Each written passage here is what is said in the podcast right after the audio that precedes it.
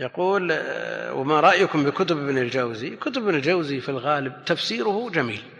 يعني تفسيره زاد المسير يستفيد منه طالب العلم تفسير مختصر وجامع لتفاسير كثير من السلف على طريق الاختصار.